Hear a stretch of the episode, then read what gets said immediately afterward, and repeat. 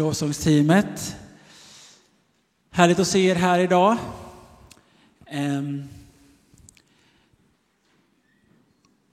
Man blir glad tycker jag under eh, den korta koncisa informationen vi fick där ändå. Det finns mycket att se fram emot. Eh, mycket gott som händer och händer framöver. Vi ser fram emot korsdraget på lördag. Det kommer bli en härlig stund här i kyrkan. Eh, jag ser väldigt mycket fram emot nästa söndag när Claes Josefsson kommer hit. Jag vet inte om ni vet vem det är allihopa, men han är kyrkoherde i Furulundskyrkan i Partille. Eh, en präst, eh, han är uppvuxen här i Kungsbacka kommun och verkligen en en andefylld smord förkunnare som jag har tänkt att jag vill ha hit under en lång tid. Så jag är väldigt glad att han kommer nästa söndag. Så det blir någonting att se fram emot, verkligen. Ehm, något annat som är roligt tycker jag är att vi, eh, att vi eh, eh, kommer kunna lansera en, en, en podcast. Att det har funnits ett önskemål om att ha predikningarna inte bara på Youtube utan även som podd. Och idag tror jag så kommer det kunna bli premiär för det. Så på Spotify och andra plattformar kommer man kunna lyssna på predikningar framöver. Lite smidigare för den som vill lyssna Eh, i bilen eller på jobbet eller så. Så eh, håll utkik efter det. Det kommer mer information om hur du hittar det framöver. Men det är också en sån här rolig grej på gång. Okej. Okay. Hörrni, eh, förra veckan så eh, började vi att predika utifrån vår vision och jag, jag utlovade att fortsätta det också idag. Eh, och eh, jag tänkte jag skulle börja med att återkoppla lite vad, vad vi sa förra söndagen. Eh, om du inte var här då och inte hört så, eh, jag brukar väldigt sällan rekommendera mina egna predikningar, men, men eh, för att få hela sammanhanget så, så skulle, skulle jag ändå vilja uppmuntra dig med frimodighet att lyssna på Youtube eller, eller på vår nya podcast då, och höra den. Okej. Okay. Men vi har en vision här i församlingen som vi antog för, jag tror det är 12 år sedan som är formulerad på det här sättet. Att vi vill se Guds rike utbredas bland alla Kungsbackas invånare, där många får sina liv förvandlade och följer Jesus. Vi vill se Guds rike utbredas bland alla Kungsbackas invånare, där många får sina liv förvandlade och följer Jesus. Och förra söndagen så ställde vi oss tre frågor till den här visionen. Eh, vad innebär det? Hur ser det ut och hur går det till? Eh, och eh, kort sammanfattat så, så sa vi att, att den här visionen innebär att vi vill, vi vill att Kungsbacka ska likna himlen mer.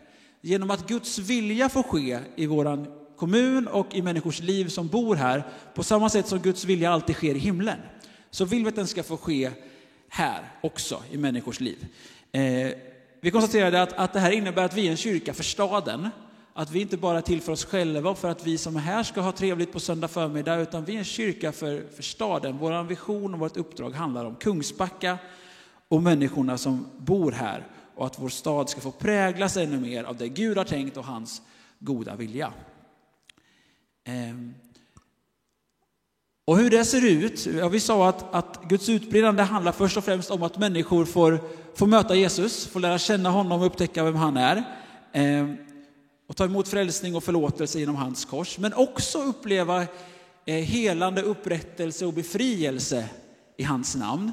Eh, när Guds rike bryter fram så är, så är under och, och mirakler en naturlig del av det också.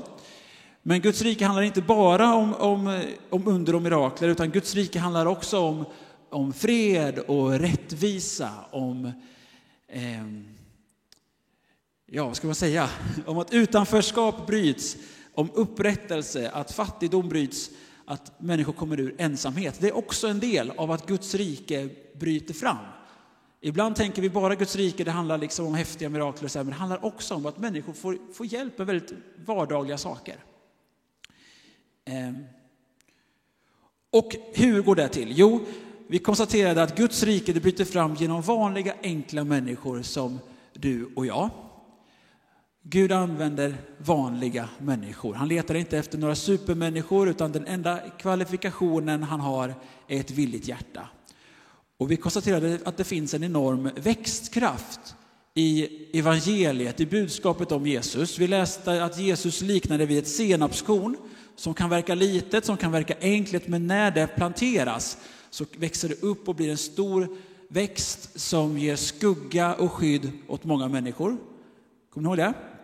Och Guds rike eh, bryter fram när du och jag planterar de frön som vi har fått i våran hand i mötet med människor.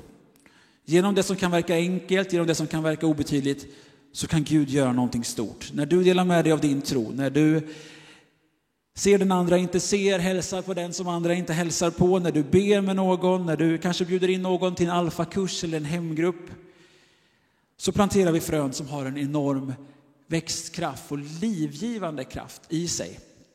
Din berättelse, ditt vittnesbörd, din medmänsklighet och ditt lyssnande öra, din bön, din tid, din tro och din kraft kan få betyda så mycket. Kommer ni ihåg det här ungefär?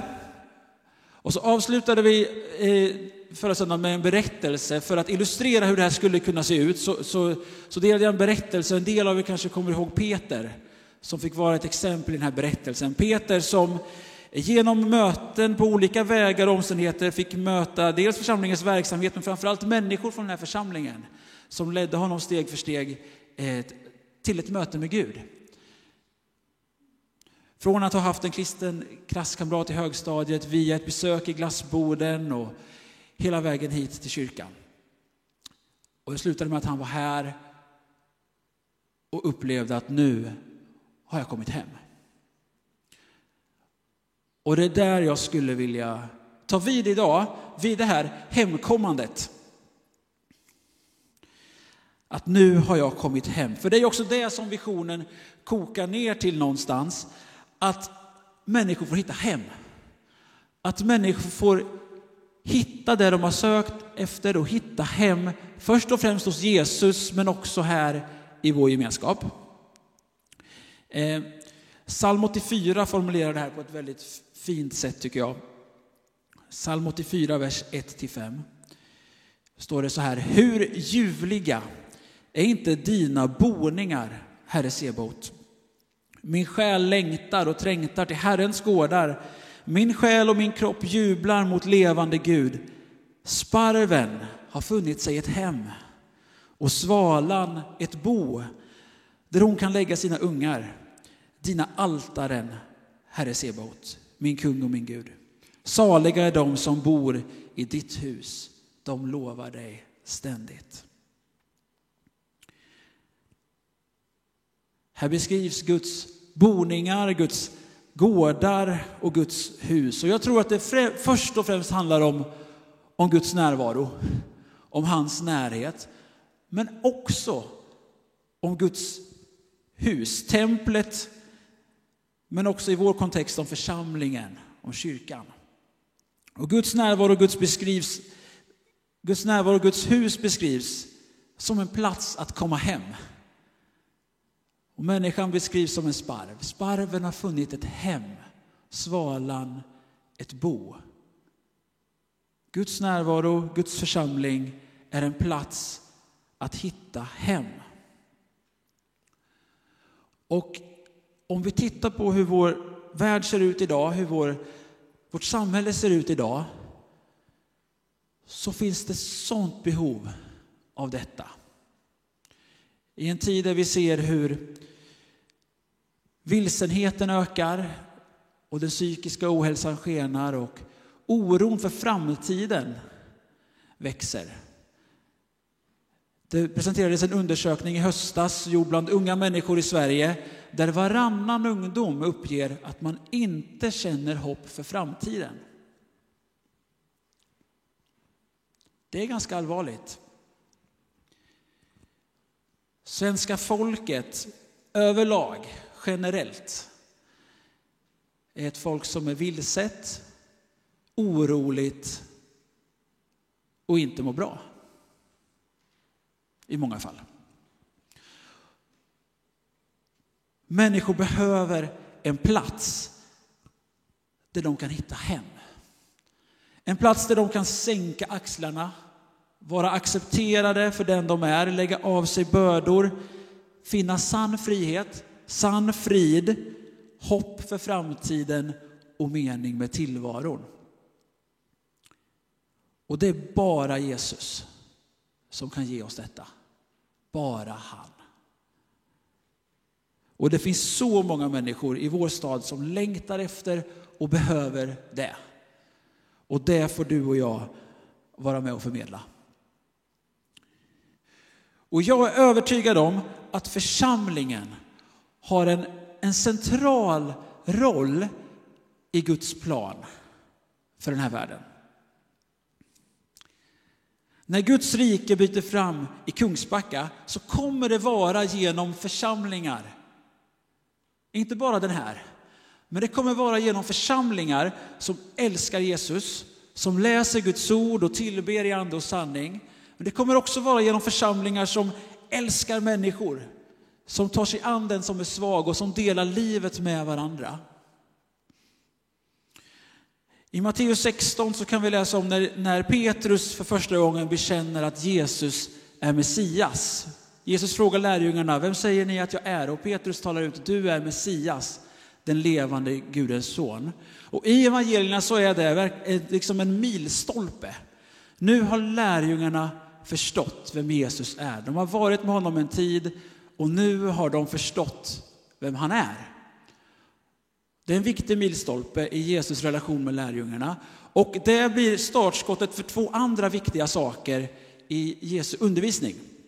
Det första som händer direkt efter att Petrus bekänner Jesus som Messias är dels att Jesus för första gången börjar prata med dem om att han en dag kommer dö och lämna dem. Och det andra är att Jesus börjar visa dem visionen han har om församlingen. Det säger någonting. Det står så här i Matteus 16 och från vers 16. Simon Petrus svarade, du är Messias, den levande Gudens son. Jesus sa till honom, salig är du Simon, Jonas son, för det är inte kött och blod som har uppenbarat det för dig, utan min far i himlen. Och jag säger dig, du är Petrus, och på denna klippa ska jag bygga min församling. Och helvetets portar ska inte få makt över den. Jag ska ge dig himmelrikets nycklar. Allt som du binder på jorden ska vara bundet i himlen och allt som du löser på jorden ska vara löst i himlen. På den här klippan, sanningen om vem jag är, ska jag bygga min församling, säger Jesus. Och helvetets portar ska inte få makt över den. Församlingen är en central del av Guds plan för den här världen. Guds rike är från första stund och förblir ända till den dagen Jesus kommer tillbaka en församlingsrörelse. Guds rike är en församlingsrörelse. Det kristna livet är inte tänkt att levas ensam. Och det är också därför som de första kristna planterar församlingar på plats efter plats i, den första, i kyrkans första tid. För de hade förstått att Gud vill jobba genom församlingen. Så det kristna livet är inte tänkt att levas i ensamhet, det är tänkt att levas tillsammans med andra. För när vi följer Jesus så behöver vi varann. Vet ni om det? Vi behöver faktiskt varandra. En troende gemenskap där vi bär och blir burna. Där vi stöttar varandra, uppmuntrar, tröstar, undervisar varandra och ber tillsammans. Det behöver du, det behöver jag och det behöver de människor som vi tror ska få komma hit och hitta hem. Och jag tror att vår församling kan få vara en plats av, av tro, tålamod och tröst för människor. Paulus skriver så här till församlingen i Rom i, Romarbrevet 12. Står det så här från vers 11. Var inte tröga när det gäller iver. Var brinnande i anden, tjäna Herren. Var glada i hoppet, tåliga i lidandet, uthålliga i bönen. Hjälp de heliga med vad de behöver. Var ivriga att visa gästfrihet. Välsigna dem som förföljer er. Välsigna och förbanna inte. Gläd er med dem som är glada. Gråt med dem som gråter. När människor kommer hit och hittar hem så kan det i vissa fall vara människor som, som är vilsna oroliga och som bär på bagage från ett långt liv utan Jesus. Och då behöver vi vara en gemenskap som förmår att älska människor och som bär tro, tålamod och tröst. Vi läste glädjer med dem som är glada och gråt med dem som gråter. När människor hittar hem hos oss så behöver vi kunna vara en tröstande famn för den som har förlorat allt, för den som har sårat människor den älskar, för den som kanske får betala ett högt pris för att följa Jesus och den nära och kära kanske tar avstånd. Får vi vara en tröst. Och det, vilken stark tjänst det är. Gud är tröstens Gud. Och ibland är det lätt att tänka att församlingen är en plats för glada människor, men vet du, vi behöver vara bärare av tröst till människor. För sorgen drabbar oss alla, någon gång. Vi läste också här, var tåliga i lidandet och uthålliga i bönen. Jag tror att när människor hittar hem hos oss kommer du och jag behöva tålamod. Tålamod att stå ut med den som inte alltid är enkel att älska. Tålamod med den som faller. Den som lovar att komma och sen inte dyker upp och den som inte kan alla våra kulturella koder om hur man för sig i en kyrka. Vi behöver ha tålamod med varandra, med oss själva och med människor som kommer hit.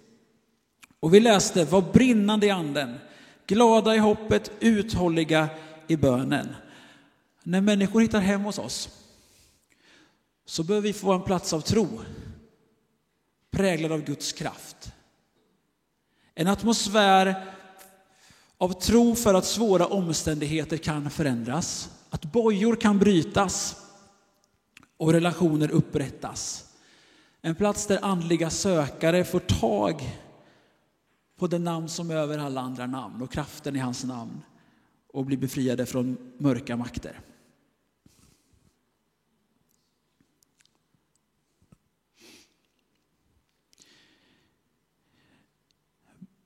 Berättelsen om, om Peter förra veckan slutade med att han kom till en, en gudstjänst för första gången och kände att nu har jag hittat hem. Och det är ju egentligen inte slutet på hans berättelse, utan början, eller hur? Och jag tänkte faktiskt att jag skulle ge lite av fortsättningen. En nyckel för att Peter blir bevarad i tron är gemenskapen. Han känner sig välkommen från dag ett. Eh, och det är en gemenskap som, som inte klingar av efter några månader när han inte är ny längre, utan han märker att han får riktiga, människ- riktiga vänner som bryr sig om honom på riktigt. Han blir hembjuden och med tiden märker han att han också får betyda någonting för sina nya vänner. Alltså det är en ömsesidig gemenskap där han inte bara är föremål för någons medömkan utan han får också betyda någonting för andra människor. Hans barn kommer med i barnverksamheten och får också kompisar i kyrkan. Det blir en god gemenskap. Han kommer med i en hemgrupp och hans hemgruppsledare blir något av en informell mentor för Peter. De träffas ibland och äter lunch tillsammans och samtalar om livet. Men med tiden så, så händer det som som händer de, kanske de flesta av oss någon gång. Han kommer in i en svacka. Peter blir befordrad på sitt jobb. Eh, han får mer ansvar, längre arbetstider, mycket att göra. Och när helgen kommer så är han trött. Och för första gången känner han att han inte orkar gå till kyrkan, för han behöver vila. Och med tröttheten så, så kommer också en sårbarhet för frestelser. Och sakta men säkert så börjar Peter falla in i gamla vanor och mönster. Och innan han vet ordet av så har det gått två månader utan att han varit varken i kyrkan eller på hemgrupp. Och Peter känner sig misslyckad och skamsen och börjar tänka att det där med tron kanske inte var någonting för honom trots allt. Kanske hade han inte vad som krävdes för att följa Jesus, tänker han. Och här hade berättelsen om Peter kunnat ta slut om det inte varit för hans vänner i församlingen.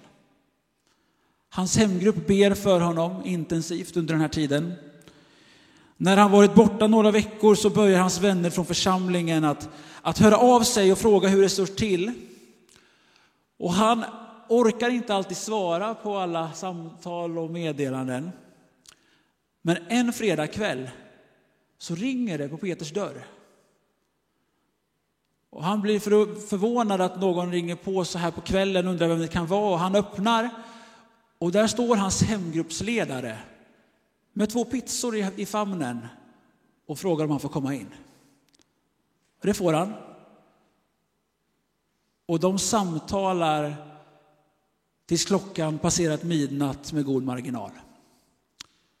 Och Peter öppnar upp sig om den tid som varit och för första gången i sitt liv så berättar han för en annan människa om sitt mångåriga porrmissbruk.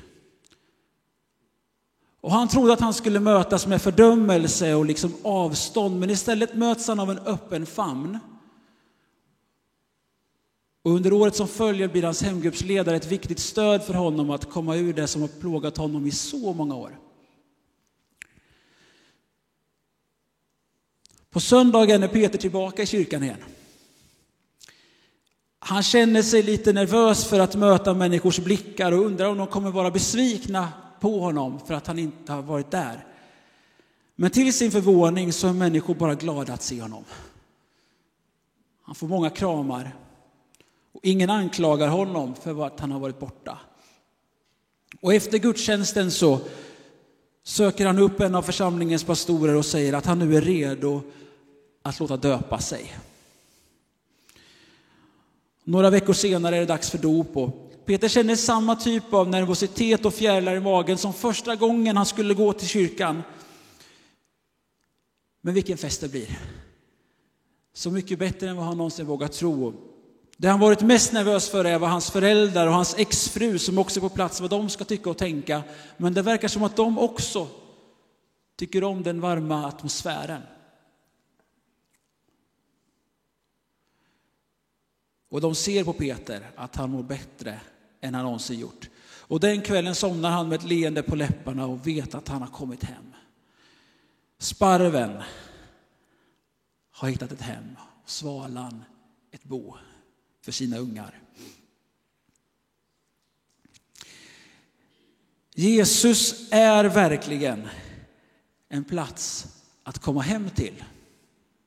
För vanliga människor med fel och brister. Och vi drömmer om att vår församling ska få vara en plats där människor hittar hem. Eller hur? Och för att det ska bli verklighet så tror jag att vi kan lära oss någonting av de här människorna i den här berättelsen.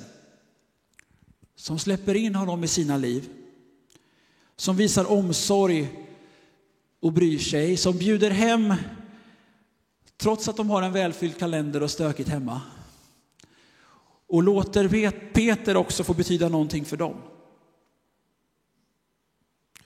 Och som när de börjar ana att någonting inte står rätt till, inte bara pratar med varandra och säger vad synd det är att Peter inte kommer längre, utan hör av sig och visar omsorg. Både med ord och praktisk handling. Berättelsen hade kunnat sluta på ett helt annat sätt om de inte gjort det, eller hur?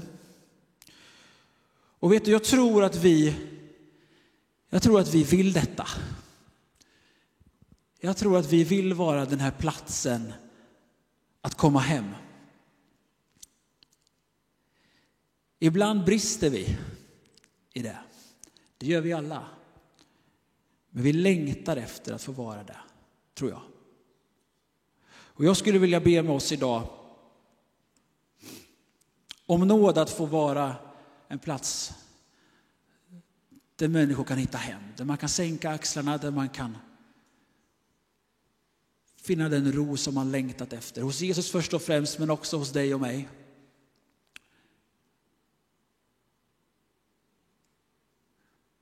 Kanske är det så att du när vi ber här blir påmind om någon som det var länge sedan du hörde av dig till. Kanske att det är den heliga Ande som visar dig någon som du kan få sträcka ut en famn till. Men när vi ber nu så vill jag också vända mig till dig som känner att, att du är den här sparven som har letat länge efter en, en plats där du kan hitta hem. Det är bara Jesus som kan vara den platsen för dig. Men vi önskar också att vi skulle få vara ett hem för dig. Och idag när vi firar nattvard så har du möjlighet att få säga ditt ja till Jesus, att få komma hem till honom för första gången eller än en gång på nytt. Nattvarden är öppen för dig. Så vi ber tillsammans. Jag skulle vilja inbjuda dig som, dig som känner dig träffad av att, och utmanad att, eh, att få göra plats för andra människor på ett nytt sätt i ditt liv. Att, att gå de där extra stegen för någon annan. Du som känner dig utmanad och vill, vill gensvara på det. Jag skulle vilja inbjuda dig att bara få lägga en hand på ditt hjärta när vi ber. Som ett tecken inför Gud att Gud, jag vill, jag vill vara med i det här. Jag vet inte exakt hur det ska se ut och hur det ska gå till och hur jag ska orka, men, men jag, jag vill. Herre, vi tackar dig för, för det du gör i vår stad och i vårt land och att så många människor söker dig i den här tiden. Och vi tackar dig för det du ska göra i Kungsbacka och i vår församling. Vi tackar dig för det hem du är Jesus, att vi alla, att vi som sitter här idag, vi har fått hitta hem hos dig. Att vi har fått finna ro för våra själar. En plats där vi kan andas, en plats där vi kan finna hopp. Vi tackar dig för det hem du är för oss och vi önskar så att det skulle få vara så för fler människor. Hjälp oss Herre att det här huset får vara en plats att komma hem till. Förlåt oss när vi, när vi blir så upptagna med oss själva och vårt eget. Hjälp oss Herre att, att se människor, att släppa in människor, att göra plats. Heligande, om du vill påminna oss just nu om någon specifik person så, så ger vi dig tillåtelse att göra det.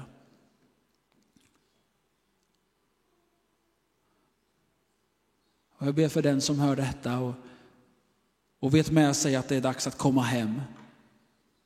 Tack att din famn är öppen. Tack att du inte står med, för, med liksom eh, pekpinnar och, och frågar vart man har varit, utan tack att du står med en öppen famn och välkomnar hem.